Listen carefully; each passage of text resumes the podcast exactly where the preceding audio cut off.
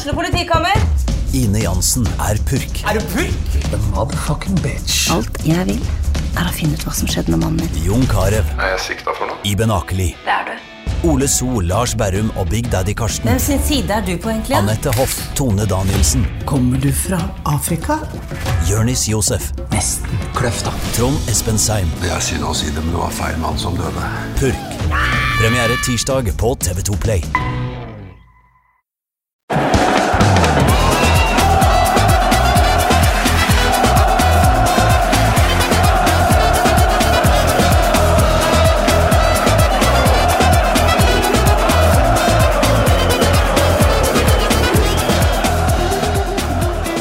Og velkommen til den første nye episoden av Pyro og Pivo på to uker. Jeg beklager inderlig at det gikk eh, grundig til helvete forrige uke, men eh, ja, det kan fort skje igjen også, men vi skal prøve å sørge for at det ikke skjer igjen med det aller første, i hvert fall. Men ventetida, den er eh, Hva er det man sier? Den som venter på noe godt, venter ikke forgjeves. Det gjelder ikke i dag, for vi skal snakke om noe de færreste av våre lyttere er interessert i, nemlig MLS. Major League Soccer. Og bare på den S-en der så mister vi nok eh, Det er mange som har trykka stopp allerede. Their loss, eh, Jonny Normann Olsen, velkommen skal du være. Jo, tusen takk. Eh, Veldig hyggelig å bli invitert. Jeg hører du har veldig sånn radiostemme og veldig god mikrofonkontroll. Er det sånn at du har vært på podkast før? Det er morsomt at du sier det, for det er noe jeg hører veldig ofte, at jeg har visstnok sånn klassisk radiostemme. Så det er morsomt å høre at det er en gjenganger. Ja, jeg, jeg, driver min egen podkast på si sammen med to gode kompiser. Den heter Våre beste menn, og den handler om norsk landslagsfotball. Ja. Så du kan jo si at eh, min fotballinteresse er nok litt mer spesiell da, enn enn den eh, i gåseøyne vanlige fotballsupporter, hva nå det er. ja. Nei, jeg har jo allerede hinta ganske kraftig om at det er MLS, MLS vi skal snakke om eh, hovedsakelig i dag. Og det kombinert med at du har en landslagsfotballpodkast, og ikke generell landslagsfotball, men det norske landslaget. Mm. Eh, Vi er jo på vei mot en litt sånn merkelig eh, Altså, du virker som en litt sånn karakter, som vi sier på Romerike. Ja, det er jo Hvis du også legger til at jeg også da er leder for Skeidoksene, som er eh, Skeids eh, supporterklubb, så skjønner du at det er jo ikke en A4-fyr som sitter på den andre sida her. Men eh, nei, jeg velger å være hyggelig, positiv og imøtekommende og prøve å kanskje Nei, jeg vet ikke. Lære folk litt grann om hva som foregår på andre sida av dammen i dag. Ja, det, du har jo noen interesser innenfor fotballen som, som ikke alle andre har. Så Nei. det kan jo godt hende at du sitter på en del unik kunnskap både om det ene og det andre. Um, leder for Skeidoksene. Jeg hadde jo faktisk eh, et par hyggelige møter med Skeid eh, i fjor. Eh, Først min første og foreløpig siste tur til Nordre Åsen i en cupkamp hvor Skeid hadde ordna mykt dasspapir til bortetribunen. Man kunne også få varm kaffe. Da måtte man betale mye mer enn for den kalde. Men måten eh, Altså humoren rundt mottakelsen der, kombinert med at vi til slutt vant den kampen, eh, var veldig ålreit. Og så hadde jeg jo daglig leder Daniel Strand her i Pyro Pivo Mm. litt ute på høsten, og det var jo en naturopplevelse. Ja, altså, altså- for en fyr. Når du først snakker om en karakter, så har du virkelig en person i Daniel der. Altså, han har eh, vært daglig leder Han kom vel inn i 2018, tror jeg.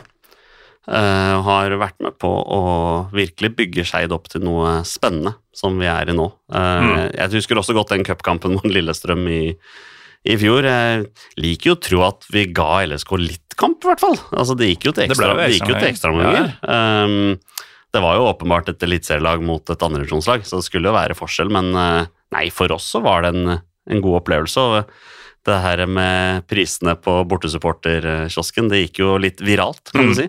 Så nei, alt i alt en god opplevelse. Og så eh, var det jo en ganske fin sånn Velkommen til Oslo-video som, eh, som Daniel lagde til, eller Skeid lagde til eh, Brann også. Ja, den er, det er kanskje noe av det bedre jeg har sett komme fra, komme fra, komme fra Nordre Åsen. Den, er, den gikk også viralt, og det er veldig gøy. Så liksom litt banter, og så skal man spille kamp, da. Så en av mange nye ting lytterne lærer i dag, er jo da at um, Skeid faktisk er en artig klubb eh, som man bør følge på sosiale medier, selv om man kanskje ikke har noe særlig forhold til klubben fra før. Uh, vi har en gjest nummer to, som sitter i fuckings Hemsedal med et uh, frossent uh, bilde, men god og klar lyd. Sverre Enertz, velkommen skal du være. Hallo, hallo. Takk, takk, takk. Det er utrolig rart med det kameraet ditt. Altså, Du sitter og stirrer oss ned på sånn morskt vis, men du høres ut som du smiler. Ja, jeg smiler, og det irriterer meg jo litt at det kameraet frøys, da, for jeg hadde jo pynta meg og greier. Tatt på meg Maradona-trøye og Ja, Nei, høytid når man skal på Pyro og Pivo. ja. Jeg syns nesten bildet hans blir verre jeg, for hvert minutt som går. faktisk. Det er dritskummelt, faktisk. Ja, nå er det nesten bare sånn Slenderman, Mm. hvis noen kjenner den. Det er Ja, altså- sikkert Putin som har hakka meg. Ja, men du har liksom ikke Du ser ikke ut som du har på deg en finlandshette, men mer sånn lys nylonstrømpe over, ja. over huet. Uh, såpass er altså oppløsninga i det, i det fryste bildet ditt. Men uh, dagens tema, MLS, uh, Sverre. Du har jo faktisk kommentert det litt, du. I den ja, re relativt korte tida Strive eh, fantes i Norge og hadde rettighetene. Ja, det var, eh, det var en fin periode, det der, hvor vi satt i Nydalen og kommenterte litt eh, MLS i tillegg til eh, La Liga og Serie A. Mm. Eh, og det var jo noen seine, seine netter, da, de gangene det var MLS. Nå ble det ikke så veldig mange for noen av oss. Eh, det var vel første sesongen Strive var oppe og gikk at vi kommenterte mest MLS.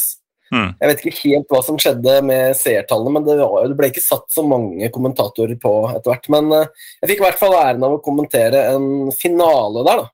Yeah. Så det var jo det var moro. Da var det vel Seattle Sounders mot uh, Toronto. Mm. Og der har man allerede en av de tinga som gnager meg litt med, med MLS. Eh, fordi eh, jeg husker jo, jeg er jo gammel nok til å huske at det starta, om det var i 95-96 en gang. Og det var så gjennomført amerikanisert, da, med at det alltid var sånn Altså laga het bynavnet og så et eller annet kallenavn etterpå, sånn som du har i basket og NFL og NHL og alt sånn. Men eh, med tida så har MLS eh, blitt sånn hybrid mellom å ha sånn her Kansas City Wizards, liksom, men også Toronto FC. Og det der fotballklubb og Inter Miami og sånn. Altså det, den røde tråden er borte. Og um, ja, vi, vi kan jo komme inn på det litt seinere.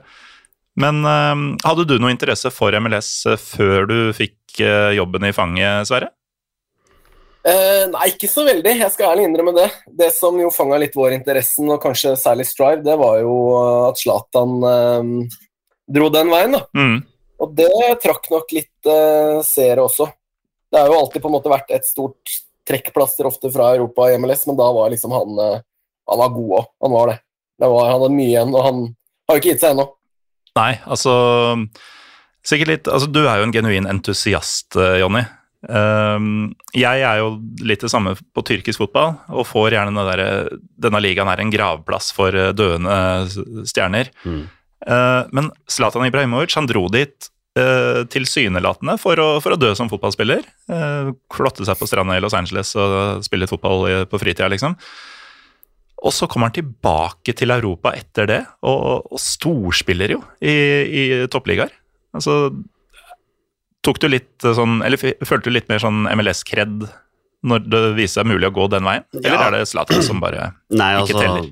nå er jo, Vi var først inne på det med karakterer. altså Det finnes jo kanskje ikke en karakter i fotballverden mer absurd enn jeg kan kalle det for eventyret Zlatan. Ja. Hvordan det er det der. Han kom jo til MLS fra Ble jo egentlig bare kasta ut av Manchester United. Mm. jo ikke satsa på i det hele tatt. og eh, det var nok flere som tenkte at eh, ja, nå skal han til MLS og bare tjene litt grunker på slutten der. og ehm, og på en måte avslutte der, men det skal sies at um, han var i MLS i, i tre sesonger, og det var en Kanskje han var nok ligaens suverent beste spiller Ja. på den tida der, og han, Mm. han var virkelig altså, Han var virkelig stor, og han var jo selvfølgelig med å Sånn som Sverre nevner her, liksom få litt mer europeisk interesse rundt MLS og hva det var der. Um, så ja, vi kan godt si at MLS kan få litt kred for at han kanskje fikk tilbake fotballadressen, Og så kommer han tilbake til Europa, og herregud, når skal den mannen egentlig legge opp? Ja, altså, han, han, blir jo nesten ikke han blir jo nesten ikke eldre. Han, han, det, det, er bare, det står bare på papiret, det. Men han Mm. fortsetter jo bare å prestere. Han er, eh, han er et unikum. Mm. Um, vi, eh, før vi tar ordentlig fatt på, på MLS-en her, eh, Sverre Så du har jo vært med på Pyro Pivo på en måte en gang. Eh, Du var med i julekalenderen i eh, 2020, og da satt du ikke med fryst bilde over Google Meet. Da satt du faktisk i stua Nei, det gjorde du ikke. Du satt i sofaen på soverommet mitt og drakk pils. Og da kom det jo fram at du har jo en litt eh, interessant familiebakgrunn. Altså, du er jo rett og slett delvis eh, ukrainsk. Åssen har du det for tida? uh, ja, hva skal man si? Eh, jo, etternavnet mitt er ukrainsk, og min oldefar var derfra. Og min bestefar var da halvt russisk, halvt ukrainsk. Eh, og vi var jo på besøk i Ukraina i 2018, og eh, etter å ha lett lenge etter slekta vår. For det Mm. var eh, Vi måtte rett og slett bruke samme folka som Tore på sporet-gjengen brukte for å finne dem. Seriøst? Så det var nesten, nesten litt sånn familiegjenforening i 2018 der, hvor de også besøkte oss i Norge. og Vanvittig fine opplevelser. Um, så vi har fått et veldig godt forhold til dem. Og de heter Enic da, til etternavn, samme som oss, Mm.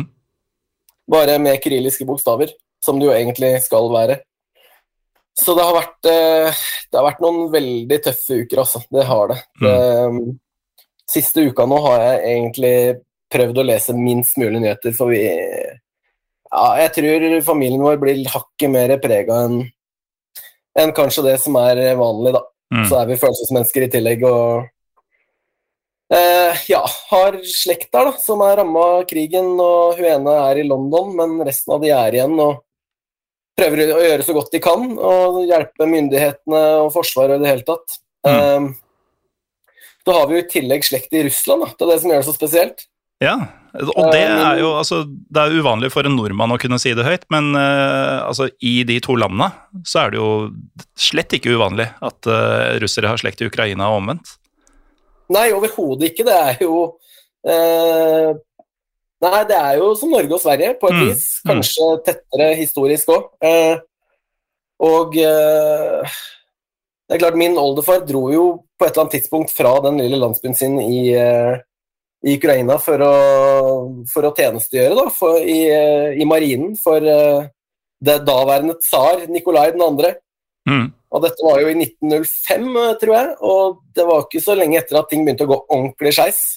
Nei, ikke Med sant? revolusjon i det hele tatt. Ja, og Rasputin min, som trekker i trådene og Ja, så min, min bestefar ble jo da født i Oslo som russisk statsborger av en ukrainsk far eh, i 1917, samme år som revolusjonen starta. Så ja, det, har, det har vært to heftige uker, og det er mye, mye greier. mm. Ja. Men eh, godt å høre at det er livstegn eh, fra, fra familien og sånn, da. Det, det har jeg skjønt ikke er alle forunt. Men eh, vi, vi går over på noe lystigere, tenker jeg. Eh, og så skal vi alle tre en dag eh, se Dynamo mot Sjaktar i et fritt uh, og ukrainsk Ukraina. Det håper vi. Måtte det være målet. Mm. Ehm, jo, uh, MLS, altså Sverre fikk det jo som jobb. Du, Jonny, hva er din unnskyldning for å, for å være glad i den ligaen her? Altså, det, det er jo direkte upraktisk, for det første. Altså, kamper på nattestid, og ikke alltid noen gidder å sende kampene. Eh, jævlig mange lag å forholde seg til. Um, Ja, det- det var- og, og ingen å snakke med om det. Nei, det er et eh, godt poeng. Jeg har jo heldigvis kompiser som orker å høre på meg da, når jeg Mm. driver og, og messer av gårde om dette her. Eh, Min, eh, min beste kompis og forlover, faktisk, som også driver podkasten Våre bestevenn meg, han har jo også han har jo sagt at han har fått en liten interesse for MLS bare ved å være min kompis. Mm. Uh, og han har hatt noen av sine favorittspillere som også har tatt turen over dammen og spilt litt der. Eh, så, så det er vel han egentlig jeg bare går mest til når jeg har lyst til å dele noe kult som har skjedd her. eller mm. sånne ting da. Når det gjelder min interesse um, skal jeg prøve å kutte ned så mye mye jeg kan, så det ikke blir for langt her. Ja, men Det er mulig vi trenger en full og hel forklaring for dette, Ja. for, for det er jo unormalt. Ja, det, det har jeg skjønt. Mm. Uh, og det er noe jeg på en måte bare har lært meg å leve med og akseptere. Men sånn er det jo. Men, men sånn er jo litt fotballinteressen nå, da. Mm. Altså, det, det som, er så, det som liksom er så fantastisk med fotball, er jo at det er jo så bredt som det er. Og liksom, man må ikke være Man må ikke kun følge Premier League, man må ikke kun følge La Liga, Bundesliga og sånne ting. Man kan følge det som interesserer en. Mm. Og der er nok noen episoder i min oppvekst faktisk som har litt med saken å gjøre. da. Um, vi, skal, vi skal nok tilbake til da jeg var ti år gammel. For da skulle Norge spille sitt første VM på gud veit hvor mange år, altså siden 38, og det var i 1994. Mm. Da var jeg ti år gammel, Norge skulle spille VM i Ja, ikke sant, det ser du! og Norge skulle spille VM i USA. Nå, på den tida der så var det jo egentlig bare norske landslaget jeg så på sånn ordentlig. Det var på rundt den tida der jeg begynte å følge litt mer med på Skeid. Så når Norge da skulle spille VM i USA, så visste ikke jeg noe mer annet enn at det skulle skje i USA. Jeg var jo ikke gammel nok til å liksom vite hvor, hvor absurd det egentlig var at et fotball-VM skulle arrangeres i et land hvor egentlig ingen brydde seg, var det som folk påsto. Men så blir man sittende oppe på kveldstid, noen ganger nattestid med fattern og se på matcher. Og det er liksom Jeg var vant til Skeid med kanskje et par tusen på tribunen. Norge var liksom på sitt beste, hadde de kanskje 20 000. I VM i 1994 så var det godt over 80 000 tilskuere på nesten alle matcha. Det var jo Det var bare sånn en opplevelse, da. Og man ble liksom litt sånn bergtatt av å se på det. Liksom bare Gud bedre hvor mange mennesker det faktisk var, da. Så det var på en måte der det begynte for meg. Og så liksom gjennom videre gjennom 90-tallet så blir man jo, fatter man interesse for engelsk fotball, men så begynner jo eh, Så spiller man jo Fifa på Nintendo og PlayStation og sånne ting, og da Det er jo den amerikanske ligaen med, vet du. Så da begynner man bare å ende opp med ja, sitter kanskje og spiller litt der og sånne ting. Men eh, den virkelige interessen for meg var nok rundt 2000-2001, sånn cirka. Jeg var sånn 16-17 år, og MLS begynte å eh, De begynte å sende alle kampene live på nettsida si. Du kunne Ah. bestille sånn abonnement, og det var det de gjorde gjennom 2000-tallet. var at Du kunne kjøpe deg et abonnement, da kunne se alle matchene. Sånn GamePass-variant som de Ja, har i andre egentlig, så det var, det var ganske uvant da, for, for den tida der, og så fulgte jeg litt med på det som skjedde på, em, på Fifa. Man begynte å spille football manager, eller championship manager som det het der, og det var liksom litt sånn sær hele den interessen min rundt det der, da. Mm. Eh, og så har det seg slik at min favorittspiller gjennom alle tider, han eh, fikk jeg øynene opp for i 2000, da han spilte i OL, altså for USAs OL-landslag. Altså, snakker vi nå om din favoritt-MLS-spiller eller din favorittfotballspiller? Mm, det, nei, det er nok min favorittspiller, men Oi. han var også eh, grunnen til at jeg også begynte å følge enda mer aktivt med på MLS, og han Mm. heter Landon Donovan, Oh, ja. som jo er liksom den store legenden i amerikansk herrefotball. da. Mm. Det var liksom for meg da, en sånn, USA var ganske gode i det mesterskapet, og en platinablond eh, amerikaner som løp rundt der og herja. Han spilte jo da for det laget som endte opp å bli mitt favorittlag, San Jose Earthquakes. Dem har jeg sett. Uh, du har sett dem, faktisk? Ja. Det har ikke jeg. Altså kun, kun, på, kun på TV og på nett. Mm. Nei, vi, vi kommer dit. Vi kommer dit. Så, så det var liksom det var liksom der liksom interessen min for alvor begynte å komme. da. Mm. Eh, og så ble man bare veldig bergtatt. Jeg begynte å følge med på matcher, begynte å lese meg opp på ting som skjedde. Eh, Internett liksom dukket, kom jo for alvor på 90-tallet, så man liksom hadde alle mulige hjelpemidler til å følge med. Og jeg har egentlig ikke noen annen forklaring enn det. Um, det er klart, jeg veit det er sært. Jeg veit det er rimelig spesielt. Jeg får jo spørsmål hvert år om hva det er som liksom gjør at det er interesse. Jeg kan ikke sånn Mm. si så mye mer enn at vet du hva, det er, det er genuin interesse for fotball. Det har vært veldig gøy å liksom være med å følge med på hele utviklingen i MLS, som har hatt veldig mye berg-og-dal-bane. Um, så det er liksom bare sånn det har blitt, da, Mm. på en måte. Sverre, altså før du fikk jobben, så var du jo klar over at MLS eh, fantes. Um, Er, er du gammel nok til å huske VM i USA, forresten? Du, jeg er i teorien det, men i praksis ikke. For det, da var jeg fem år. Mm. Eh, Så jeg husker jo at det var mye virak rundt, eh, rundt det der. Eh, En av mine bestekompiser han sto jo fram på i avisa på en eller annen forside, jeg husker ikke helt hva det var. og Da var han fire år, og han gråt sine modige tårer med en fotball fordi at NRK ikke skulle sende VM i 1994 i USA, tror jeg. Mm. Og han var en del av grunnen til at det endte opp på nasjonalt fjernsyn, tror jeg, på NRK. Så det er på en måte det lille jeg eh, har fra, fra det. Mm. Men eh, nei, det, min MLS-bevissthet kom vel eh, for alvor rundt David Beckham. Det er ikke noe tvil om det. Og den eh, perioden når han havna i LA Galaxy, Mm. da var jo det på alles lepper. Det var eh, Det skjedde noe med interessen eh, ute i verden for eh, MLS da, tipper jeg. Eller hva, Jonny? Ja, nei, det stemmer veldig bra, det. 2007, David Mm. Beckham, som var et verdenskjent navn. Altså alle, selv de som ikke var interessert i fotball, visste jo hvem David Beckham var.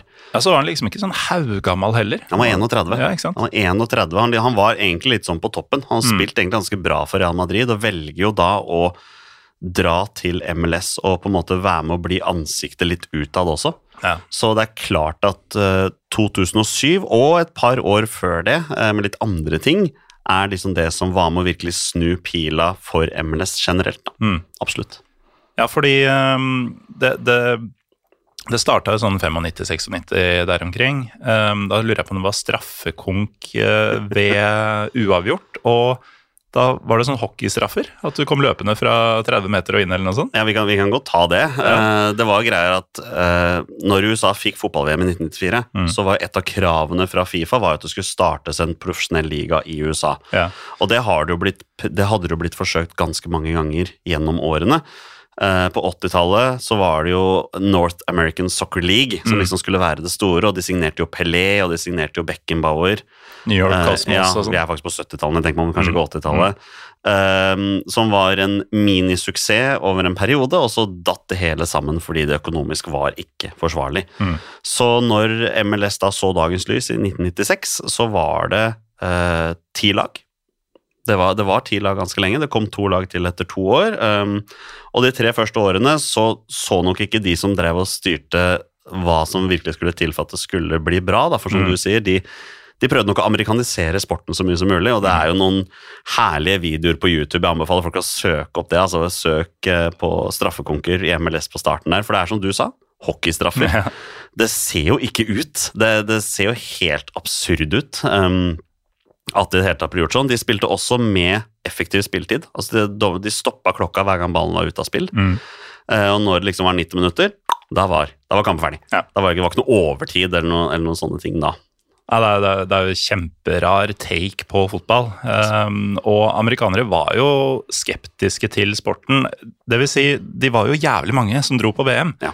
Uh, så det lå jo et eller annet der. Men altså, hvis man har lest uh, VM-boka til uh, Jon Michelet og Dag Solstad f.eks., så er det vel spesielt i Michelet-delen at uh, han, han går jo en del på puben. Uh, og prøver å prate litt fotball med de lokale, og sånn, og så har jo han sikkert dratt på litt i de skildringene, men at det er sånn herre We don't want your soccer here. Og liksom ordentlig sånn fiendtlig innstilling. Da. Og så blir Maradona tatt uh, Apropos uh, den frosne genseren til, uh, til Sverre der. Blir Maradona tatt for doping, og da er det jo enda mer sånn derre This sport is just full of steroids. Og så går de og ser på amerikansk fotball i stedet. Ikke sant? Men det, det, det fikk en ganske trang start, da. I hvert fall fordi de, de turte ikke å gjøre det til et fullblods europeisk fotball Altså vår versjon av fotball. Ja. Det, det turte de rett og slett ikke å gå for 100 Nei. um, åssen- altså, Det var ikke sånn kjempeinteresse til å begynne med, eller? Altså, det var faktisk ikke så gærne tilskuertall. Eh, Det var jo litt i kjølvannet av VM i 1994, som var en så gedigen suksess tilskuermessig som det var. Mm. Eh, altså, jeg mener vel fortsatt at per dags dato så tror jeg det er det VM i, gjennom tidene som har hatt høyest tilskuertall. Og jeg tuller jo ikke når jeg sier at mesteparten av kampene gikk for over 8000 tilskuere. Jeg var inne og sjekka det her forleden. Altså, selv en kamp som en kamp mellom Kamerun og Sverige hadde 93 000 tilskuere. På, I Pasadena, liksom. Ja. Så, så det er klart, de, de bar litt nytten av det også. Um, men nei, det, det, fikk en trang, det fikk en trang start, og det tok ikke mange årene før eh, tilskuertallene begynte å falle. Og i de, jeg tror det var de fem-seks første årene så mista ligaen eller tapt, Ligaen tapte veldig mye penger. Um, og i rundt 2000 så lå ligaen egentlig klar for å bli lagt ned. Mm. Altså det var, De kom til det punktet at det var nesten ikke forsvarlig å drive ligaen lenger. Men så gjorde de noe som var ganske smart, og det var at de kastet ut han som var commissioner på den tida der, Logan het han, og så henta de fra NFL en, en herremann som heter Don Garber, som nå er commissioner MLS. Han er det fortsatt en dag i dag. 22 år etterpå? 22 år etterpå så er det han som er commissioner der, eh, og han øh, gjorde noen ting for å sørge for at ligaen fortsatt skulle kunne eksistere. Da. Mm. Og det, er blant annet, det ble lagt en litt sånn finansiell plan, det, det ble frosset veldig mye økonomi. Eh, klubbene ble egentlig nektet å bruke veldig mye penger på ja, nettopp europeere, altså fallende stjerner som liksom skulle komme og tjene noen grunker. og de to lagene som hadde dårligst tilskuertall, de ble rett og slett eh, lagt ned. Mm. De sluttet å eksistere. Det var eh, Miami Fusion, som det het så fascinerende på den tida der, og så var det Tampa Bay Mutiny, Mhm. som sa takk for seg. Så Eh, var eh, sørøst, altså Florida, rett og slett. Der gadd de ikke å gå på fotball. Nei, ikke da i hvert fall. Nei. Eh, Det er litt annerledes nå. Eh, Det er noen klubber der nede som har ganske solide tilskuertall. Mm. Men jeg tror kanskje noe av det viktigste fokuset var jo at de skjønte etter hvert at skulle den ligaen her ha noe å bygge på, så kunne de ikke spille på amerikanske fotballstadioner. De Mm. måtte bygge autentiske fotballstadioner, og det ble lagt en plan for at det skulle, på at det skulle gå til. da. Og så er det noe veldig viktig som er verdt å få med seg, det var at USAs fotballandslag i VM i 2002 hadde de faktisk et veldig bra mesterskap. Mm. De kom helt til kvartfinalen, hvor de, vel jeg tør påstå, noe ufortjent røk mot Tyskland i kvartfinalen. Det var vel blant annet eh, en hens på en strek der som kanskje skulle bli tatt, og sånne ting, men det ble veldig mye positivitet rundt det, og det skjønte jo Don Garber og disse høye herrene i MLS at det var noe som var verdt å bygge på. da. Mm. Så de bestemte seg for at nå skulle de bygge flere autentiske fotballstadioner. Det var Columbus Crew som fikk det første. Uh, fast fantastisk fotballstadion. Altså virkelig, det var virkelig noe for seg sjøl. Og så var det to investorer ved navn Lamar Hunt og Phil Anschutz. Jeg måtte se ned på notatene mine, for det etternavnet er så himla vrient. Som spyttet inn veldig mye penger for at de skulle ha muligheten til å eh, bygge disse stadionene. Og sakte, men sikkert så så man jo gradvis at det var noe å bygge på. Men det var litt sånn stein på stein fram til sånn ca. 2010, hvor antall klubber virkelig har eksplodert. Ja, for det, du nevnte at det var sånn ti klubber eh, til å begynne med. Altså, Sverre, hvis du skal gjette sånn ut fra magefølelsen på hvor mange MLS-klubber det er i dag, hvor, eh, hvor ballparker du det tallet? Oi, er det ikke en Eastern og en Western eh, league, da? Uh, Stemmer det, da? Si uh, 20 pluss 20, da. 40 lag, altså? Er Ja, litt, jeg, jeg lurer på det, fordi at jeg Ja, nei, kanskje det er 18 pluss 18, da. Skal jeg tippe det, da. nei, du, du er litt ambisiøs der. Det er, det er 14 lag i hver av, i hver av conferences. De er 28 nå, de blir 29 neste år. Da kommer St. Louis inn i bildet, og jeg Mm. tror at målet er 30 eller 32. Jeg er litt Ja. usikker på det, men altså siden 2009 og fram til nå, så er det 13 nye lag som, Mm. har, som har kommet inn i, i ligaen, da. Og alle disse lagene som kommer inn, de har ganske detaljerte planer. altså De har noen krav da, Mm. som de må sette for å kunne få lov til å være med i MLS. Og en av de viktigste tingene der er at de må selge et visst antall ses eh, sesongkort. Ja. Uh, og de må vise at de har en fanbase, så liksom det er verdt å bygge en klubb der. At det ikke skal være noe tull rundt det. Det er så fett å kreve en fanbase for noe som ikke eksisterer. ja. Altså, du må bevise at dette luftslottet ditt holdes med av eh, Ja. masse folk. Men, men samtidig så må du Du kan på en måte ikke eh, Du må erkjenne det faktum at amerikanere og sine lokale lag de er ganske die hard i forhold til det å heie Mm. på sitt lag. Eh, så det er klart at det er jo mange av de større byene som i starten ikke hadde lag i MLS, og de Mm. hadde jo lyst til å få det inn, og da måtte de, da måtte de være med på disse kravene som MLS da setter. Ikke bare til det, men de må også vise å være en, en del av samfunnet. Da. Mm. De må kunne være samfunnsnyttige der de er. Ja, altså, jeg husker jo um, eh, LAFC, altså Galaxy var jo med som et av de pionerlagene, de, de som var med å starte, men de fikk jo et nytt Los Angeles-lag for fem års tid siden. Det stemmer, Greit. eh, men de hadde faktisk et lag før det også. Mm. Eh, det het Chivas USA. Sant det, sant det. Eh, det var for Det var et lag hovedsakelig med fokus på den meksikanske delen av Los Mm. Angeles. Altså det skulle være et bydarby der, og det, det var det ganske lenge. Mm. Og det var ganske positivt. Chivas måtte til slutt legge ned etter en skandale av en annen verden. De fikk nye eiere. Eh, flere av de amerikanske spillerne gikk til søksmål mot eierne fordi de fikk beskjed om at de skulle bli kastet ut av klubben fordi de ikke var meksikanere. Eh, og det ble også påstått at eh, de nye eierne ba om detaljerte lister fra trenerne på hvilke spillere i klubben, både på A-lag og på ungdomslag, som ikke, som snakket, ikke snakket spansk. Oi. Så det var en helt sånn svær rasismegreie som Mm. gikk der, da. Så når de eierne stakk, så kjøpte MLS eh, lisensen tilbake. Eh, og da ble enige om at nei, vi skal starte et nytt lag, men det tok noen år, da. Mm. Og da så LAFC dagens lys. Ja, for det, det jeg har sett um, fra før de spilte sin første kamp, var at det var masse sånn fankultur i gatene, og folk var ordentlig, ordentlig gira Mm. før laget i det hele tatt hadde spilt en kamp. Og det var definert altså åssen åssen skulle sangene være, og eh, hvor, skulle de, altså hvor skulle marsjen gå uh, på vei til stadion. Og alt var på plass, da, bortsett fra at laget ikke fantes ennå. Ja. Og jeg, jeg, jeg, jeg veit ikke, jeg syns det er litt kult, jeg. Ja, Ja, ja, men jeg liker det. Det er litt sånn, sånn som vi nettopp snakket om her, at ja, du må du må vise at du har en fanbase i det hele tatt før du har eh, spilt en kamp. altså Du veit ikke hvordan draktene ser ut engang, du veit ikke hvordan logoen ser ut engang. Sånne ting, da, men amerikanere er jo sultefòra på idrett. De elsker jo idrett. Ja, Um, og MLS, med tanke på den interessen som faktisk er rundt fotballen i USA nå, den har aldri vært høyere enn den er nå, eh, og den har eksplodert egentlig de siste ti årene, så er det veldig fascinerende å se uh, vi skal nok inn på det også, men hvordan liksom, tribunekulturen har blitt da, Mm. i MLS også. For den har gått fra å liksom, være veldig uengasjert på 90-tallet, gradvis positivt gjennom 2000-tallet, men så kommer alle de nye klubbene med sine fanskarer, um, og det bare eksploderer litt. Så hvis man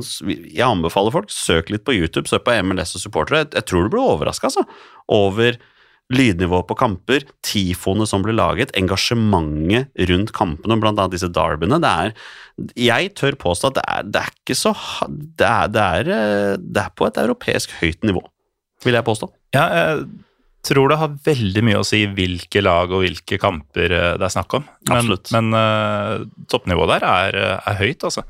Uh, Sverre, da du um, plutselig skulle kommentere MLS eh, med litt sånn eh, Er det lov å si at du hadde litt sånn fordommer i forkant, eller tar jeg litt i da? Um, Eh, Til en viss grad, men jeg visste litt fordi at jeg hadde en amerikansk sommerflørt eh, for noen år siden. Og da Ja, det begynner å bli noen år siden nå. Men det var i hvert fall eh, da det var EM i Frankrike, var ikke det i 2016? mm, Da dro jeg til Storbritannia for å følge EM i Frankrike. som man jo gjør. Ja, jeg kjørte aleine fra pub til pub, som man jo gjør, eh, f- mellom England og Wales, og hadde egentlig tenkt meg over til Irland og Nord-Irland òg, siden de var med. Men i hvert fall på en eh, pub i Oxford under det EM-et så slo det seg ned ei eh, amerikansk jente, og plutselig hun ville se EM i fotball. Mm. Aldri møtt før. Og hun viste seg å være stor fan av eh, Portland Timbers, og Mm. bodde i Portland. Ja. Så da mm, endte vi jo opp med å prate mye fotball den kvelden, og ja, hun endte opp med å joine meg på min eh, videre tur, faktisk. Mhm. Så vi prata mye fotball, og da skjønte jeg liksom Ok, det er så stort. Og jeg skjønte jo at eh, Derby Portland Timbers mot Seattle Sounders, det var ikke til å spøke med. Jeg ble ganske sjokka over hvor mange tilskuere hun sa det var på kampene, og hvordan ting var. da. Og jeg fikk vel se noen YouTube-videoer og litt sånn, og det var eh, Så jeg fikk en liten vekker i 2016. Mm. Så jeg visste litt hva jeg gikk til da, eh, når Strive fikk MLS der. Men uh, fikk du likevel noen aha-opplevelser da du faktisk satte deg ned og så kampene med, med kommentatorblikket? Uh, ja, eh, på et vis fikk jeg Det var mange gode spillere, og så var det jo noen spillere der som Det var så sprik da, i nivået. Det er klart Du hadde Zlatan på ene sida, så var det en eller annen høyreback på motsatt lag. eh, I den kampen jeg så, skal jeg se hva det var. Som som kom rett fra college, liksom? ja. Ja, så. Han hadde ingen god kamp, da. Det må være lov å si. Mm. Uh, ja, Da spilte han vel faktisk mot Seattle Sounders. Husker jeg ikke hvem som var back da, men det var noen som fikk kjørt seg. Mm. Og så var det jo eh, Klart det var noen utrolig gode spillere på både Toronto, Sounders eller Galaxy også, da, som jeg skal ærlig innrømme at jeg aldri hadde hørt om, som Mm. virkelig, virkelig leverte. Jørgen Skjelvik spilte jo også den sesongen eh, der sammen med Zlatan. Stemmer det. Ja, og, og sånne ting er jo noe av det rareste med MLS. da, At eh, du får jo det sjukeste lagkamerat... Uh, altså porteføljene.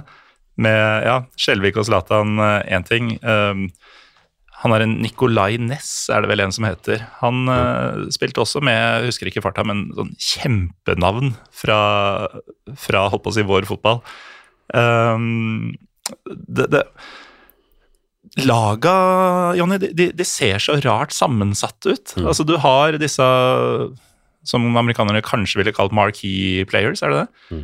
Eh, Zlataner og Steven Gerrarder og sånn, og så er det liksom uh, Ja, høyrebekken fra UCLA og uh, en venstrekant som de henta fra liksom meksikansk andrenivå. Mm.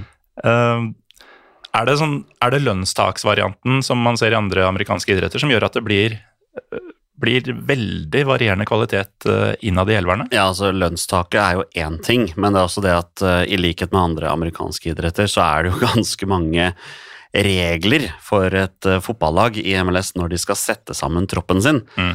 Det er jo bl.a. et krav om at det skal være et visst antall såkalt homegrown players. Hvert lag har egentlig bare jeg tror det er åtte eller ni plasser til utlendinger. Mm. det er klart det er litt forskjellig. Hvis man har green card, så teller man ikke under den biten. Hvis man, ja, det er, det er masse forskjellige regler rundt det. da. Mm.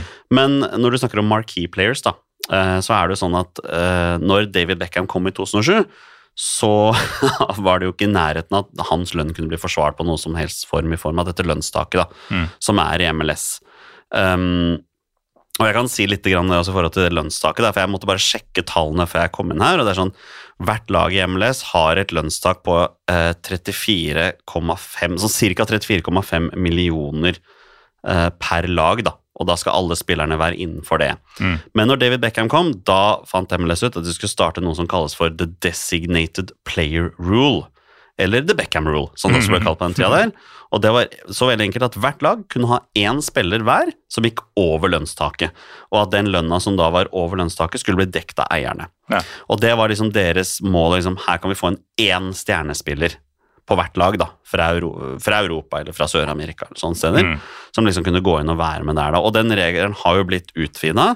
Så per dags dato er det tre spillere på hvert lag som kan ha den. da. Mm. Men så ser du også en litt sånn forandring i hvordan også eh, klubbene bygger opp også. At det er jo Designated players trenger ikke automatisk å være en monsterspiller fra Europa. Det kan også være en superspennende argentinsk 19-åring. Mm. Um, altså Atlanta United brukte noe for på en som heter Miguel Almiron for et par år siden. Han spiller jo nå i Newcastle. Ja, Eh, bare som et eksempel, altså det trenger ikke å være bare sånn, men eh, ja, nå, nå blir det mye babling her, men tilbake til det du snakket om, da. Ja, eh, sammensetningen av, eh, av klubbene er jo veldig spesielle, men det er jo litt sånn det er i amerikansk idrett også. Eh, blant annet derfor de har denne her superdraften med de beste college-spillerne på hvert år, liksom at de dårligste lagene får lov til å velge først og sånne ting. Da. Så Mm. de skal på en måte prøve å jevne ut så mye som mulig. Ja. De klarer det ikke nødvendigvis helt. Um, jeg, tør påstå at MLS er kanskje en av ligaene i verden hvor de beste lagene er så ufattelig mye bedre enn de dårligste. Mm. Altså Spriket der som nevnt, det er, det er, det er ganske stort, altså. Ja. Ja. ja, altså eh, Det er jo én ting at det, det kan være veldig klasseforskjell, eh, men nå hørte jeg et pling. Jeg lurer på om Sverre Er du fortsatt med oss, Sverre? Ja, siden dere ikke kan se meg røre meg, så jeg fant en sånn rekke opp hånda-greie.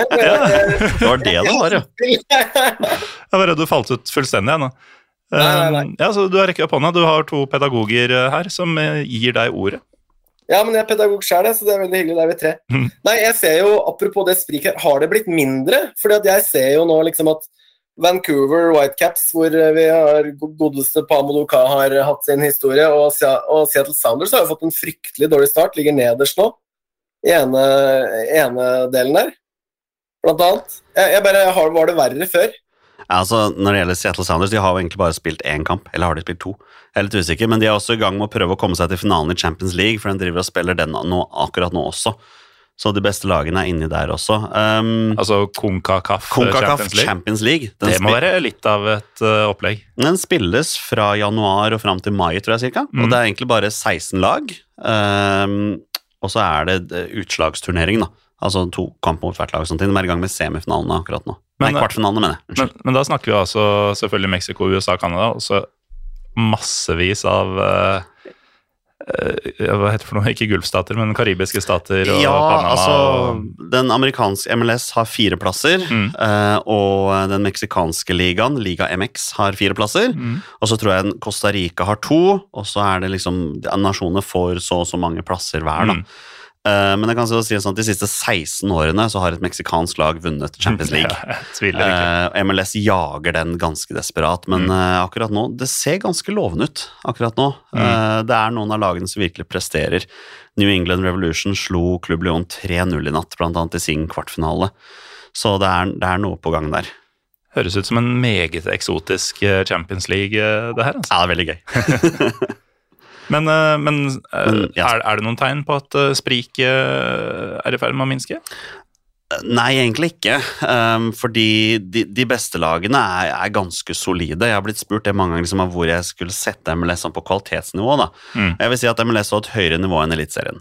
Kan man si. Totalt sett så mener jeg den holder et høyere nivå enn Eliteserien. Jeg vil si at den kanskje snuser på ja, Nederland, Belgia. Litt sånn i det nivået der, da. De beste lagene i MLS hadde gjort det ganske bra der. De dårligste lagene, da snakker vi om f.eks. Cincinnati.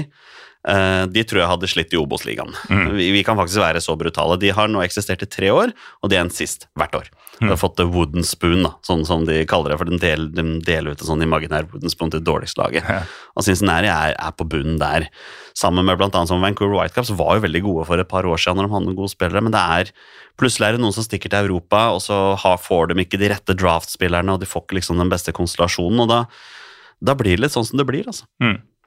Sverre, da du eh, kommenterte, altså, hvor vil du eh, ranke, mm, ranke MLS eh, nivåmessig? Altså, åpenbart et stort sprik, da, men er det virkelig sånn at de beste kunne klart seg i Jupiler League, f.eks.?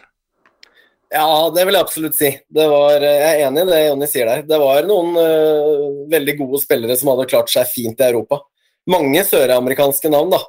Eh, ja, det er jo litt fristende å bare dra gjennom den troppen til LA Galaxy, litt apropos Zlatan og co. da, fra den sesongen der. For du hører jo Det er jo det er mye artige navn. Så det sier jo litt om øh, liksom opphav og litt sånn. Jeg, jeg vil jo anta at det er mange amerikanere med kanskje litt latinsk opphav i USA, da, som går inn på den nasjonale kvota, kanskje, når jeg leser alle navnene. Vi kan jo Mm. dra litt gjennom, da. Det er jo, det er, det er, for det er så mye gøy. Det er Perry Kitchen, blant annet.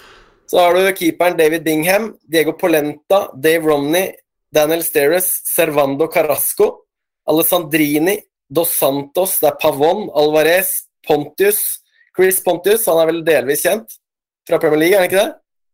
Det er vel eh, mer Han, at han har samme navn som en Jackass-skuespiller. Ja. Det er egentlig mest det det går på. det var der, ja. Det fra, Ja, Ja. Så har du jo Joe Corona, det er et interessant navn. Ja. Didier Traoré, Jørgen Skjelvik, Leglett, Antona, Joninho.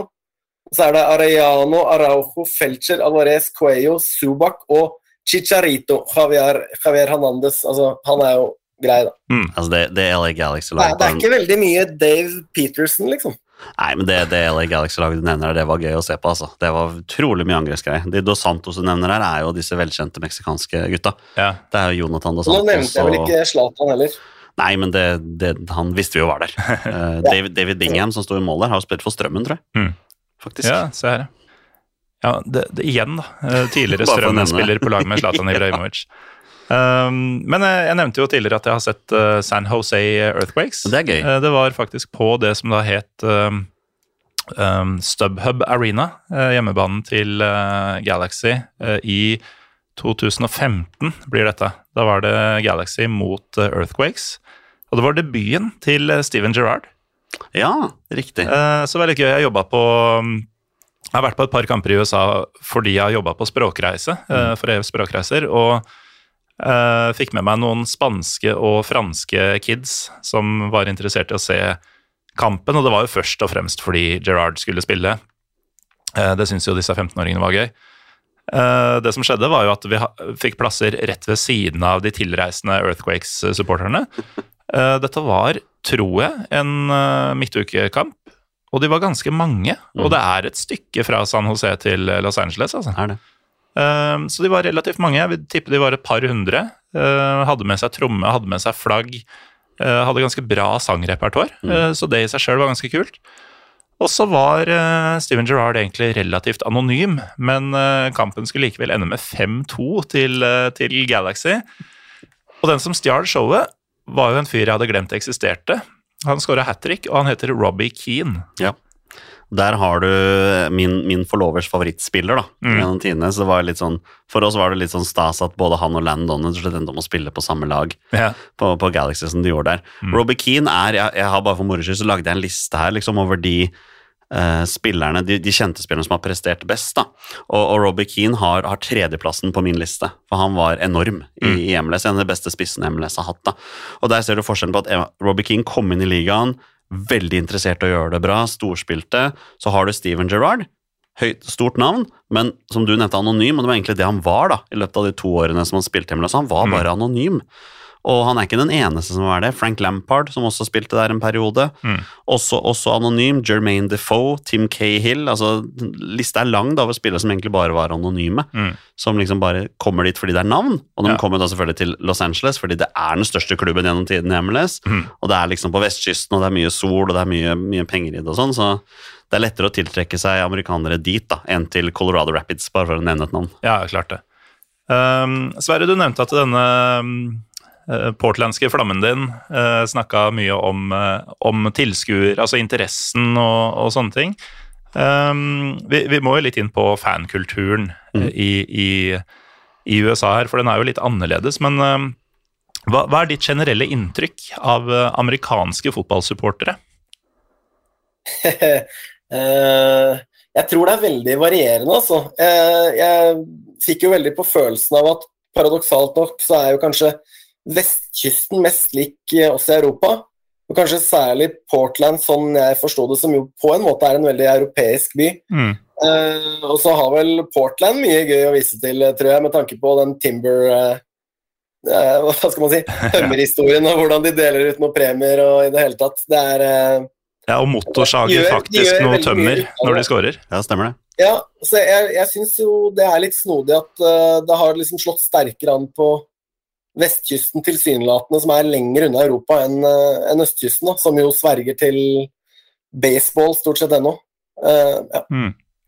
Men eh, det er vel en sannhet med modifikasjoner, Jonny, fordi tilskuertallene på østkysten er vel tidvis enorme. Jeg vil egentlig si at uh, tilskuertallene i MLS generelt er overraskende høye. Eh, nå har det jo nå har også den ligaen, i likhet med alle andre, vært rammet av en pandemi. Så i hvert fall gjennom hele 2020 så gikk jo mesteparten av kampene når det til slutt åpna seg, så gikk det mesteparten av kampene for lukka dører.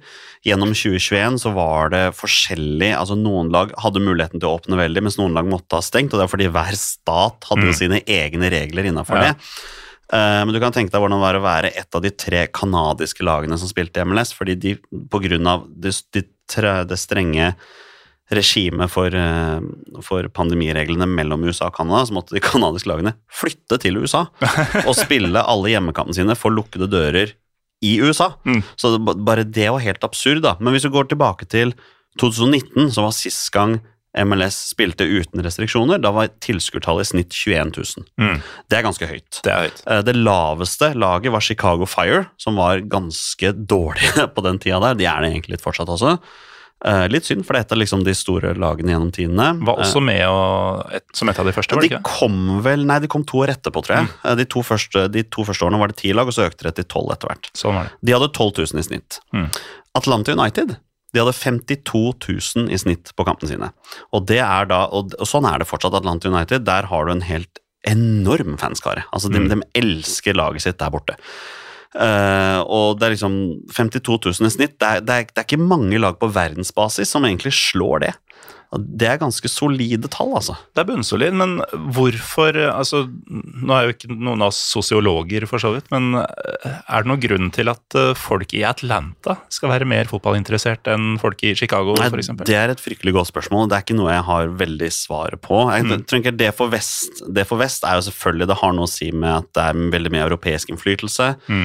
Eh, grensene til Mexico. Ikke sant? Det er veldig mye meksikanske amerikanere som er vant til en helt annen stil. Mm. Eh, så det er klart at det har litt å spille inn på også. Men igjen, som jeg nevnte i stad, søk på YouTube, søk på MLS og supporter, så du kan få deg en overraskelse. Altså, for veldig Mm. mange av lagene har bunnsolide fanskarer med ordentlig TIFO, med ordentlig supporter. Du nevnte det sjøl med San Jose. Det er jo et av lagene som var med å starte ligaen. Da het de San Jose Clash Dog, så de fikk jo Earthquakes litt seinere. Men det rivaliseringen mellom San Jose og LA Galaxy er jo en av de, de største. Mm. Uh, I år så er det et nytt lag i MLS som heter Charlotte. Charlotte SC, altså Soccer Club. De hadde sin første hjemmekamp her nå i forrige helg, og de trakk 75 000 tilskuere på sant? den kampen der. Mm. Og det er, den høyest, det er det høyeste tilskuerantallet på en MLS-kamp noensinne. Mm. Det kommer nok ikke til å være sånn hele tiden, for det stadionet de spiller på, de har nok planer om å stenge liksom de øvre Ja. eh, Men likevel så kommer de til å sannsynligvis trekke ganske fullt hus. Da blir det fort rundt 38 000-40 000 tilskuere. Mm. For et helt nystartet lag. Det er jo helt utrolig. Eh, veldig mange av disse lagene har jo bygget såkalte soccer-specific eh, stadioner. Uh, Seattle Sounders, som jeg også har sett, uh, de har jo ikke det. De Nei. spiller jo på det som nå heter Lumen Field, eh, hjemmebane til NFL-laget Seahawks. Det er en fantastisk stadion. Ja, den er, den er spesiell. Den er, den er spesiell, Særlig den der ba, tribunen bak mål der, Mm. som er helt rå. ja. Eh, men i hvert fall der eh, de, de også har jo veldig høyt tilskuertall. Hadde i hvert fall Da jeg var der, så var det snakk om at det var sånn par og 40 000 i Mm, snitt. Og det stemmer. var Husker jeg hadde et eh, sånn kampprogramaktig blad der hvor det var en tabell over ligaer i verden. Og så var da tilskuersnittet til, til Seahawks, holdt jeg på til Sounders. Mm. Det lå på sånn åttendeplass, da. Det var Bundesliga var over, og Premier League var over, og liksom litt her og litt der. Men, men tilskuertallet deres som klubb, det, det var liksom høyere enn snittet var i ligaer man altså tenker på som mye større Mm. enn en, en MLS. Eh, men i hvert fall, det de, de, de gjør også det, da. De, um, det stadionet tar vel over 60. Mm. Uh, og da er bare øvre delen ikke en del av det, uh, med mindre det er noen spesielle anledninger, da, når det er fotballkamper der. Mm. Eh, uten at det virker som om noen lider noen nød av den grunn. Nei, altså Seattle har også veldig kjente fans. Uh, må også si De grønne draktene her er noe av det peneste som finnes, egentlig. Den derre smaragdgrønne drakta til, uh, til Seattle, den er, den er veldig fin. Eh, det er snakk om etter hvert å få et eget stadion, eh, men jeg tror det er litt sånn trangt med muligheter i Seattle by til Ja, til å få gjort det. Der er det trang, trangbygd. Og Seattle er også et lag som hadde en ganske solid fanbase fra før av, fordi de var ikke et helt nystarta lag når de kom inn i MLS. De hadde allerede et lag i en lavere divisjon som het USL, Mm. uh, så de på en måte bare tok over den plassen. Når Seattle fikk en plass i MLS, så bare bestemte de at ok, vi flytter det laget opp, da, så bygger vi rundt det. Mm. Og det er det andre som har gjort. Også Portland Timbers også, da, er et lag som også gjorde det på den måten der. Ja, og, og- det betyr at det rivaleriet til disse to, eh, det går jo faktisk flere tiår tilbake i tid, Ja, ja, ja. Absolutt. Og altså, selv eh, når lagene møtes i reserveligaen, så er det masse folk som kommer på kampene her. Så det, den rivaliseringen der er ganske stor. Altså, Begge lag har grønne drakter òg, så det er vel noe, noe kamp rundt det også. Eh, bare nevne det som også Sverre sa, er supporterne til Portland de er ganske kjente. Mm. Timbers Army, som de kaller seg ba, fullstappa bak mål der. Eh, jeg tror Portland har eksistert i sånn ti år nå, og jeg mener de har solgt ut hver hjemmekamp i sin eksistens. Mm. Det er ganske solid. Men eh, da jeg sa dette med motorsag og tømmerstokker og sånn, det var ikke kødd. Nei, nei, nei, nei, eh, det er en, en legendarisk herremann i Portland med navn, eller navnet han Timber Jim, som han kalles. Og han dreiv jo på med dette her allerede når Portland eksisterte i lavere divisjoner. Eh, For det, Han begynte jo med dette her, jeg tror det var rundt 78-80, når Portland Timbers så sin eksistens. At han kom på stadion med, med motorsangen sin. Han fikk ikke lov til å komme inn da, med hvis, eh, hvis bladet var på. Så han måtte liksom ta den, da, for det var sånn sikkerhetsmessig hensyn, og sånn, men han liksom tatt med den videre. Og det er en sånn greie de gjør. Kampens beste spiller får et, får et, et, et eh, hakket opp eh, stykke fra treet bak der. Og, det, og det, du får det kanskje ikke mer amerikansk enn det. Jeg syns det er kult, det. Jeg, jeg liker det. Banens beste får det, altså. Får, får med seg et stykke, og, det er ganske stort. Så um, du veit, Sverre, hva, hva man burde si i postmatch-intervjuet hvis man har, eh, har blitt kåra til banens beste. Da er det jo bare å rett og slett si 'I got wood'. ja, det stemmer jo det. Ja, det, ingen, ingen kan ta deg på det. Som, en som got wood, det var vel Adam Larsen. Han spilte vel eh, der, Adam Larsen kåra seg. Uh, han forteller vel mye om den tida der i en Heia fotball-episode. Tror jeg Den er verdt å sjekke opp. Der var det mye om han eh, Jim og den motorsaga. Mm. Så, eh, nei, nydelig. Vi har noen nordmenn som leverer, har levert mye godt i, i en annen podkast med navn Heia fotball, som vi vel også er glad i, som, med mye, mye moro fra MLS. Mm. Ja, definitivt. Og så er det jo det Amadou Ka, for eksempel, nevnte jo han i stad. mm. Men nå er vel han eh, manager for North Texas eller et eller annet? Ja, Det er vel i eh, Det, det stemmer, det. det Ikke er, MLS, riktignok. Nei, det er reservelaget til FC Dallas. Eh, han, eh, han tok jo kanadiske Forge til ligatittelen i den kanadiske Premier League. Ja. Uh, og så søkte han på stillingen som FC Dallas hovedtrener. Han fikk den ikke, men han fikk jobben som reservelagstrener. Så jeg tror det er planen at de skal bygge litt opp der etter hvert. da. ja. Så det er karakter, det. Men apropos Portland og Seattle, det er vel det er sånn ca. tre timers eh, kjøretur mellom de byene, og så er det ytterligere ca. tre timer fra Seattle til Vancouver. Mm. Uh, og Vancouver Whitecaps og de to nevnte, de tre har vel sånn egen eh, internliga, nærmest? Ja, Altså, de har, de har et eget trofé, til og med. Ja. Uh, jeg lurer på om det heter det Cascadia Cup. Det gjør det. Det gjør det. Uh, hvor da de kampene de har mellom seg i grunnserien MLS, danner jo Mm. da grunnlaget for hvem det er som går seirende ut Mm. av den. da. Eh, Så du har liksom på et eget minitrofé innad i MLS, og det er liksom bare i USA, tenker jeg. Ja. egentlig bare der du får det. Men, men det, det står ganske høyt i kurs, egentlig. Mm. Um, nærmeste jeg kommer av sammenligninger fra holdt på å si, den virkelige verden, er uh, Øyvind Herrebrøden i VG, som på Twitter i fjor uh, lagde en egen tabell, uh, altså Viken-tabellen, Ja, for eliteserielagene fra, fra det derre absurde såkalte fylket Ja. Viken, som snart ikke skal få lov å finnes lenger. Eh, er du i Viken nå? Er det så, så absurd stort at eh, Hemsedal er en del av Viken, eh, Sverre? Ja, ja, enn så lenge så er det det. Jeg sitter aller lengst nord i Viken, som er Hemsedal, og lengst sør i Viken så har du da Kornsjø nedafor Halden. Ja, ikke sant? Det er jo det er ikke mye kulturell likhet uh, mellom det og der du er nå. Nei, når, ja, når det kommer til påskestemning og afterski og sånn, så er det jo en viss likhet, men eh, Nei, det er et sprik. Det er et uh, snodig fylke. Men jeg syns den Viken-greia var litt kul. Jeg, jeg skal innrømme det. Det var litt moro. Mm. Men uh, Cascadia Cup er kulere. Ja, er ikke det fjellkjeden, da? The Cascade, som er lengst nord i Rocky Mountains, eller er på tynn is nå? Jeg tror det, altså. Det stemmer, er derfra. Mm. Ja, du er, du er på, helt på nett. Men um, San Jose Earthquakes, uh, Jonny. Du har altså et favorittlag i, i uh, MLS. Ja, eh, det var nok litt kraftigere enn jeg var yngre. Eh, særlig rundt 2000-tallet. Da, da følte jeg nok litt mer ivrig med mer på de. Eh, men etter hvert som man har blitt litt eldre, så har det falt litt fra. Eh, jeg følger jo fortsatt med. Jeg, er, jeg ønsker at de skal gjøre det bra. Det er jo en, en surreklubb av dimensjoner akkurat nå. De, har, de, de aner jo ikke sjøl hvor de står engang. Nei. Eh, de har en veldig fet manager i Mathias Almeida. Eh, ganske- I alle dager. Ja, en legende der. Gamle Lyn-spilleren. Ja, det er vel ikke der han er mest kjent fra, men, men kanskje er til. Eh, så de vet ikke helt hvor de står. Men, men for meg handler det mest om Jeg følger egentlig bare ligaen. Mm. Jeg syns det er eh, Det er bare så fascinerende, hele greia, egentlig. Bare få det med seg. Så er det dessverre slik at eh, per dags dato har jeg ikke mulighet til å se noen av matchene. Fordi det er ingen norske Strive var det siste Mm. som sendte kamper fra MLS, og jeg er nå dessverre tvunget til å se høydepunkter på YouTube. Major League Soccer har en veldig bra YouTube-kanal, så de sender solide høydepunktsvideoer derfra. Så Mm. leser jeg omtrent alt som er av kampreferater, for jeg må jo, må jo holde interessen ved like. Men den uh, gamle GamePass-greia med- fra hjemmesida deres, sånn, det, det er ikke et alternativ? Nei, det er ikke det, og det er rett og slett fordi det har, det har kommet inn ganske mye penger i MLS gjennom årene. Det er jo investorer som har sett muligheten til at ok, dette er noe å satse på. De store TV-kanalene kjøper seg jo inn. Eh, Det var jo ikke aktuelt før, så, så nå er liksom, det er ganske mye penger i MLS nå Mm. som gir klubbene betydelig større muligheter til å utvikle infrastruktur.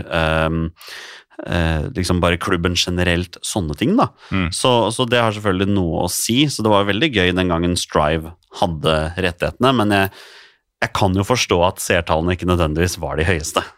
Ja, og det har du jo sagt også, Sverre, at um, Eller seertallene veit jo egentlig ikke jeg nå, men man kan jo bare anta at de ikke var så veldig høye. Men uh, det var ikke mye traction i sosiale medier heller, da du uh, prøvde å, prøvde å bygge opp litt? Nei, eh, som jeg skrev til deg, Morten, så fikk jeg æren av å kommentere den berømte finalen da, mellom eh, Seattle Sounders og Toronto, som var på stadion i Seattle, som dere akkurat har prata om. Så var det en helt fantastisk arena. Ble for øvrig solgt ut på 48 timer, de 69 000 billettene der. Mm. Eh, men da bygde vi jo kraftig opp i, i sosiale medier og i det hele tatt. Men det er jo ikke lett når det starter midt på natta, da. Det er jo Mm. ikke det. Eh, Men det var jo en helt nydelig ramme rundt kampen hvor du hadde Ja, du hadde jo liksom Sounders på hjemmebane, og det var, eh, det var pyro og pivo på stadion. Det var det. Eh, god gang og veldig jevn kamp. Eh, Toronto anført av eh, Michael Bradley som kaptein. Og de hadde vel Josie Altidore på banen nå, tror jeg. Det er ikke noen små Eh. navn i amerikansk uh, fotball, det. altså. Nei, eh, vi har vel hørt om både Bob og Michael Bradley. Mm.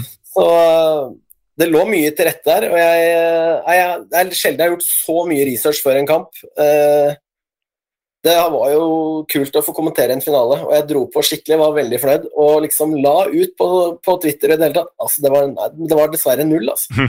Jeg skulle egentlig ønske flere hadde sett den kampen, for da tror jeg noen hadde fått, uh, fått seg en liten vekker. Ja, jeg ser Jonny rekker opp hånda. Tipper han så den. Ja, jeg så kampen, ja. Det var jo midt på natta eller hva det var, og sånn, men det var, hadde jeg muligheten til å se. Jeg syns det var veldig stas. Fantastisk kamp. Eh, Bob Bradley er jo nå sjefen i Toronto. Ja. Han var jo i LAFC, eh, nå er han i Toronto, så han coacher jo sin egen sønn. Mens eh, Josie Altidore etter mange år i Toronto nå har forlatt de. Han spiller nå for New England Mm. Revolution, som er en av de store favorittene til å ta hele greia i år. Um, apropos Pivo. Um, jeg har en slags mareritthistorie fra sist jeg var på kamp i USA. Det var ikke MLS, det var uh, Hva er det for en US Open Cup eller noe sånt? Ja. Altså cupen. Cupen, ja. Um, det var LAFC mot um, Husker jeg faktisk ikke, motstanderen Nei. i farta. Men jeg var på den da ganske nye Bank of California Stadium um, sammen med to andre kolleger. Dette var jo da igjen i språkreisesammenheng at jeg var der på sommeren. Og så går jeg i pausen for å kjøpe øl til oss.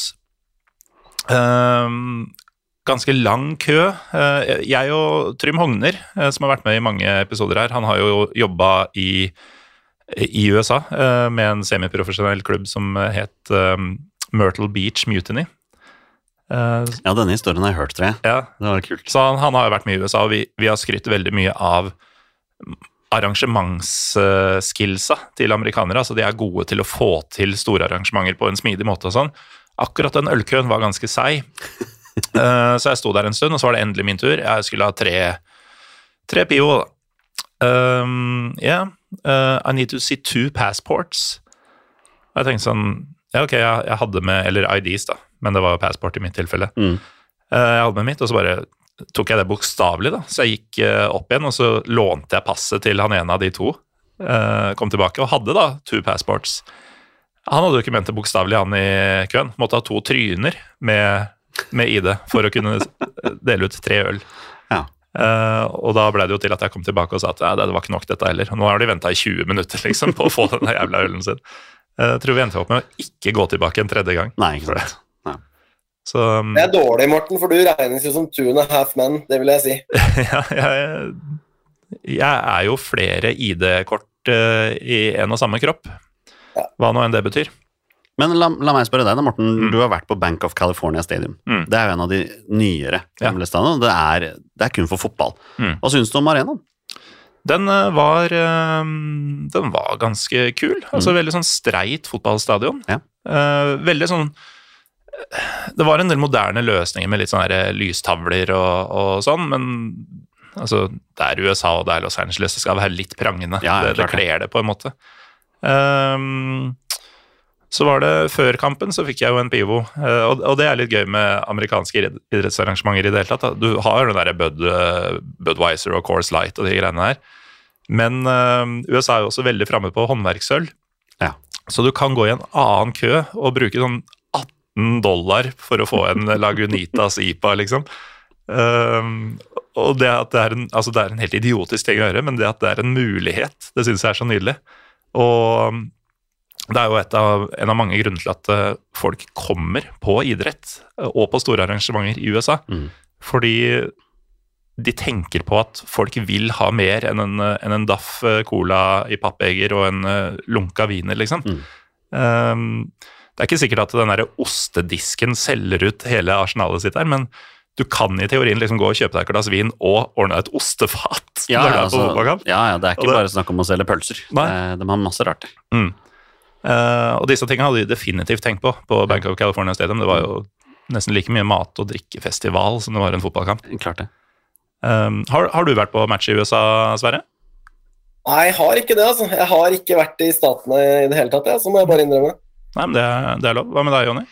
Nei, jeg har, eh, jeg har kun hatt mulighet til å være i Statene én gang, og det var en uke i New York, men det var eh, Utafor sesong? Nei, det var i oktober. Mm. Men uh, Red, verken Red Bulls eller NYCFCs hadde hjemmekamp på den tida der, så på en uke så fikk jeg med meg én basketkamp mm. og to hockeymatcher.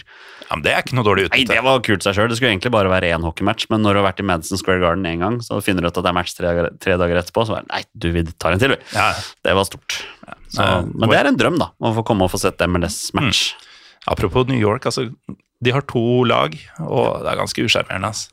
Ja, Altså, du, du har en Manchester City-franchise og en uh, Red Bull-franchise, liksom. Ja, og uh, New York City FC spiller hjemmekampene sine på Yankee Stadium. Mm. Et, et baseballarena. Hvis du har sett hvordan liksom, Ja, ja. banen er bygd der, det, det ser jo ikke ut. Nei, det gjør ikke det. Og De er på desperat jakt etter å finne seg et hjem, men de får jo ikke det. Altså, New York Red Bull spiller på Red Bull Arena, som ikke ligger i New York engang. Det ligger jo i, rett utenfor, Mm. altså selve byen. Mm. Så eh, ja eh, Ikke mine to favorittlag, å si det sånn, og særlig det med New York City FC. Nå vant jo dem nå ligaen, da, eller vant jo MLS Cup, og de har en nordmann som leder klubben.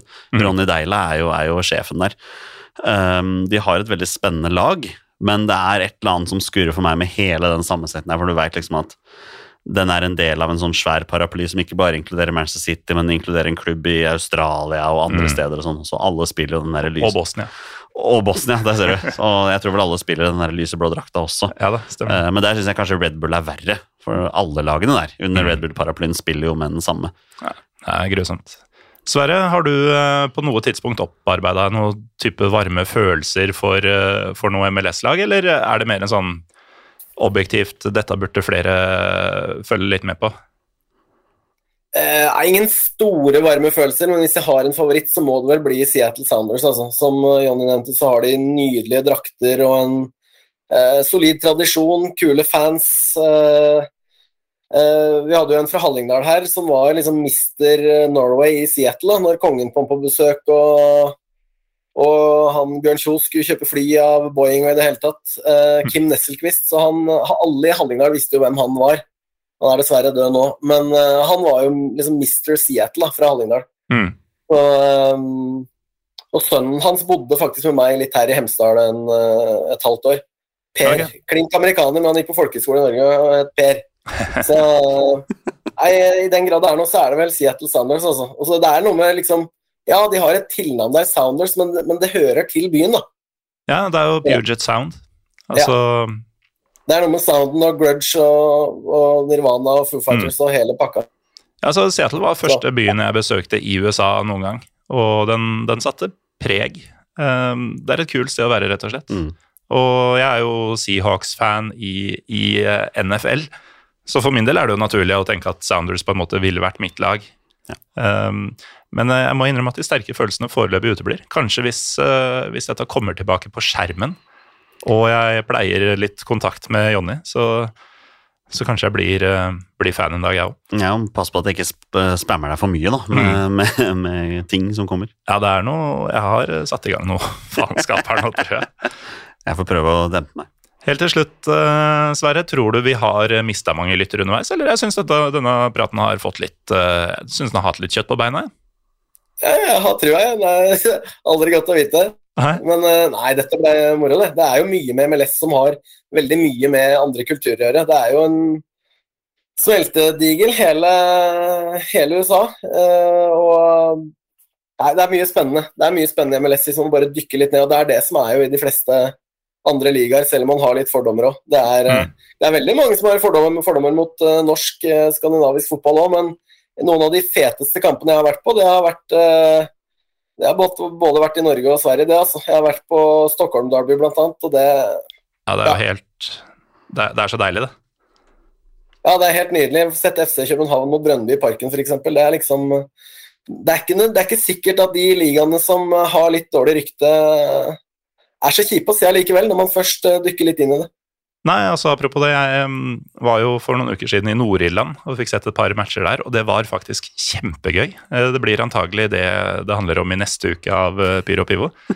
um, så, så det er lavt nivå for tida. Jeg skulle si hvordan var nivået der, sånn på fotballen. Det kan jo ikke være spesielt høyt. Det var ikke, var ikke dritbra. Nei, Det var det ikke. jeg tenkte meg det. Um, men, uh, men det hadde andre ting å by på, Ja. som, uh, som man kan høre om i ganske nær uh, framtid i Pyro Pivo-historien. Så da, da har vi gått fra å ikke gi ut en dritt forrige uke, og så er det MLS nå og Nord-Irland neste uke. Det er, jeg er ikke sikkert er folk hadde det så ille da vi, da vi dreit i å lage noe forrige uke. altså. ja, det er mørkt. Mørkt, mørkt. det er mørkt. Nei, men det er jo det er klart, bare, bare å se et bydarby i nesten hvilket som helst land er en stor opplevelse. Mm. Eksempel var jeg i Praha, så Dukla Praha mot Viktoria Sjisjkov på nivå to, tror jeg. Mm. Jeg har aldri sett så dårlig fotball i hele mitt liv, men eh, jeg tror nesten jeg aldri hatt det så gøy på live fotballkamp heller. Radek, Så- ja. Radek Drolek, eh, som så vidt jeg husker skåra det offside-målet i Praha um, i 1995. Da Tsjekkia slo Norge 2-0 og i praksis eh, drepte EM eh, stemmer 96-håpet. Han eh, var fra Dukla Praha. Ikke sant? Dette er totalt unødvendig å si.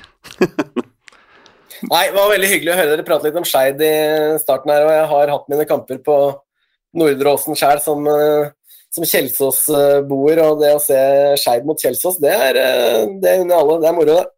Ja, det er et glemt derby. Ja. Oslos takderby. Ja, så kan man si sånn. Det er, det er kun én kamp uh, Kjelsås-folket kommer på match, og det er når Skeid tar ta Mm. turen dit, så. Det, Mm. det koker, da. Men uh, apropos Skeid, altså Torshov-laget som spiller uh, på Grefsen. Altså, det, det er ikke veldig langt, men det er litt rart, er det ikke det? Mm, Nei, altså det spørs hvem du spør. For meg har det vært veldig naturlig. Jeg vokste jo opp som Skeid-gutt. Jeg spilte jo for Skeid siden jeg var seks år, og jeg er fra Torshov sjøl. Så jeg har egentlig aldri tenkt noe, noe særlig på det. Eh, Selve klubben ble jo stiftet på, på Torshov. Eh, Mm. Sammenslåing, faktisk, av to klubber. Um, så jeg har aldri tenkt noe, tenkt noe nevneverdig på det, men det er klart at um, det er jo Skeiland oppover der også. Mm. Det stopper på en måte oppe ved Disenkrysset oppover der, når uh, Kjelsåstrikken går der, da. Og så er det vel hele veien opp til Årevoll, og så er det litt sånn krangling der borte også, da, om hva som er Skeidland. Så nei, det er egentlig noe jeg aldri har tenkt over. Nei, nei, det er bare meg, da. Ja, det er lov, det. Ja. Uansett, uh, Sverre Enic, uh, som fortsatt ser helt drøy ut på det Jeg, men, jeg mener det bildet det blir skumlere og skumlere hver gang jeg Jeg ser var på ikke det. heldig, jeg var ikke heldig i det øyeblikket det frøys der. Jeg er livredd, altså. Jeg har vært det i den siste drøye timen. Men uansett, takk for at du um, frøys deg gjennom sendinga med oss. Um, alltid hyggelig å ha deg med. Veldig hyggelig. Kanskje vi ses på Nordre Åsen til sommeren. Ja. Ja, hjertelig velkommen. Ellers er dere velkomne til Åråsen, begge to, gutter. Ja, der har jeg vært Ja, et par i, ganger. I blått og rødt, i så fall. Nei da, du kan komme i uh, andre farger. Uh, takk til deg. Uh, takk til deg også, Jonny Normann Olsen, for at du var med. Jeg visste jo at du var interessert i MLS, men faen, det er jo stålkontroll. ja. Ja, nei, altså, jeg tenker at Når jeg først skal stille i en såpass uh, prestisjefylt podkast som dette her Er det faktisk, det? faktisk er, så tenkte jeg at jeg måtte jo ha tingene på plass. Mhm. Uh, så jeg hadde egentlig rabla ned noen notater her, men så kom man på at liksom man, man har jo mye på minnet også. Mm. Og det bare vitner litt om at jeg faktisk er genuint interessert i den ligaen også. Det er ikke bare noe jeg påstår. Mm. Det er liksom og, og, og der har du den sære Nordmann Olsen, da. Altså Fotballinteressen min er Skeid, det norske landslaget og MLS, liksom. Mhm. Og du finner ikke en rarere trio, tror jeg, i, i fotballen der òg. Altså, Et av slagordene til Pyro Pivo er jo at det er mye gærninger der ute. Så det er mulig du setter i gang en konkurranse blant uh, lytterne nå. Vi får se hva folk svarer. Om de har noen villere uh, troikaer av, uh, av interesser. Ja, og så, og så håper jeg selvfølgelig at folk har, har vært interessert i det som vi faktisk har snakket om her. Da. Jeg håper Mm. selvfølgelig ikke at uh, podkasten har mista, mista lyttere gjennom den timen her. Da, da får det i så fall sette skylden på meg. Ja, det gjør vi uten å mukke. Jeg, jeg har ikke noe del av ansvaret for hva som kommer ut. Det er lov, jeg tar den. Uh, uansett, uh, hvis folk er interessert i å høre om landslaget, av alle ting, så var det da Våre beste menn uh, podkasten din heter. Det stemmer. Uh, Vi, vi gir ut sånn ca. en episode i uka. Eh, Det er jo klart det er landslagsfotball det er jo nesten så snever som du kan få nå. Det er jo kun et par kamper i året, men Altså ukentlig gjennom året, mer eller mindre. ja, vi, vi, det har blitt litt vanskeligere nå med Ja, for det er ikke så mye å fortelle Nei, i men- perioder. Nei, men vi er flinke til å komme på utfordringer til oss sjøl, sette opp noen drømmelag, lage Mm. noe forskjellig gøy. Um, så har det blitt litt vanskeligere. Pandemi, um, noen har fått barn, noen har fått hund. Ikke? Sånne ting som gjør det vanskeligere også. Så, men vi prøver å gi ut en gang i uka. Vi har hatt noen ganske kule gjester også, så Mm. Hvis du har noen form for interesse for landslagsfotball, så, så gi oss et forsøk. Så Og hvis, hvis, eh, hvis noen der ute vet eh, hvor og hvordan man kan få støtte av Ukraina ved å kjøpe drakta til det ukrainske landslaget, så, så takker jeg bukkere. Ja, eh, det er det faktisk flere som har spurt meg om på Twitter også. Hvor kan man kjøpe den drakta? Eh, Og det fant jeg faktisk ut, men jeg har det jo ikke foran meg nå, så det burde jeg egentlig tweete ved første anledning. Eh, Men jeg tror den kosta sånn 60 euro eller 60 pund på en nettsjappe som så helt eh, legit ut. Så, så det burde Nydelig. folk gjøre. Uh, skal se hva jeg får til, jeg. Og så sender jeg i hvert fall deg linken uh, Hjertelig. snart. Ok, nå tror jeg vi gir oss, jeg. Folkens, takk for at dere var med begge to. Uh, takk, takk til deg som hører på. hvis du fortsatt gjør det. Jeg heter Morten Galaasen. Vi er PyroPivopod på Twitter og Instagram, og vi skal nok antagelig snakke nordirsk fotball neste uke.